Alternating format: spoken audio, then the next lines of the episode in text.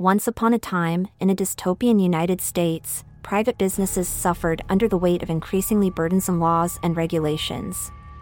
The government, influenced by collectivist ideals, seemed determined to control every aspect of economic life.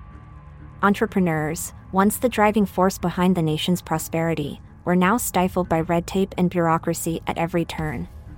It seemed that no matter how hard they worked, they could never escape the grasp of the all powerful state. The economy ground to a halt as innovation and competition were strangled by the suffocating regulations. Small businesses, unable to afford the expensive compliance costs, were forced to shut their doors, leaving many people out of work. Those who managed to stay in business were forced to operate in an environment of constant uncertainty, never knowing when the next set of rules and regulations would be imposed on them. The government's interference in the economy had created a culture of fear and distrust among business owners, who no longer knew who to turn to for help. As the economy collapsed, the government responded by increasing its control even further. Private property was seized and nationalized, as the state claimed it was necessary to save the economy. The freedoms that once defined the United States were quickly eroded as the government took on more and more power.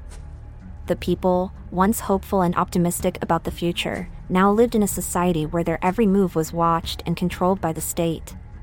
The once great nation had been transformed into a dystopian hellscape, where individual rights and freedoms were nothing more than a distant memory.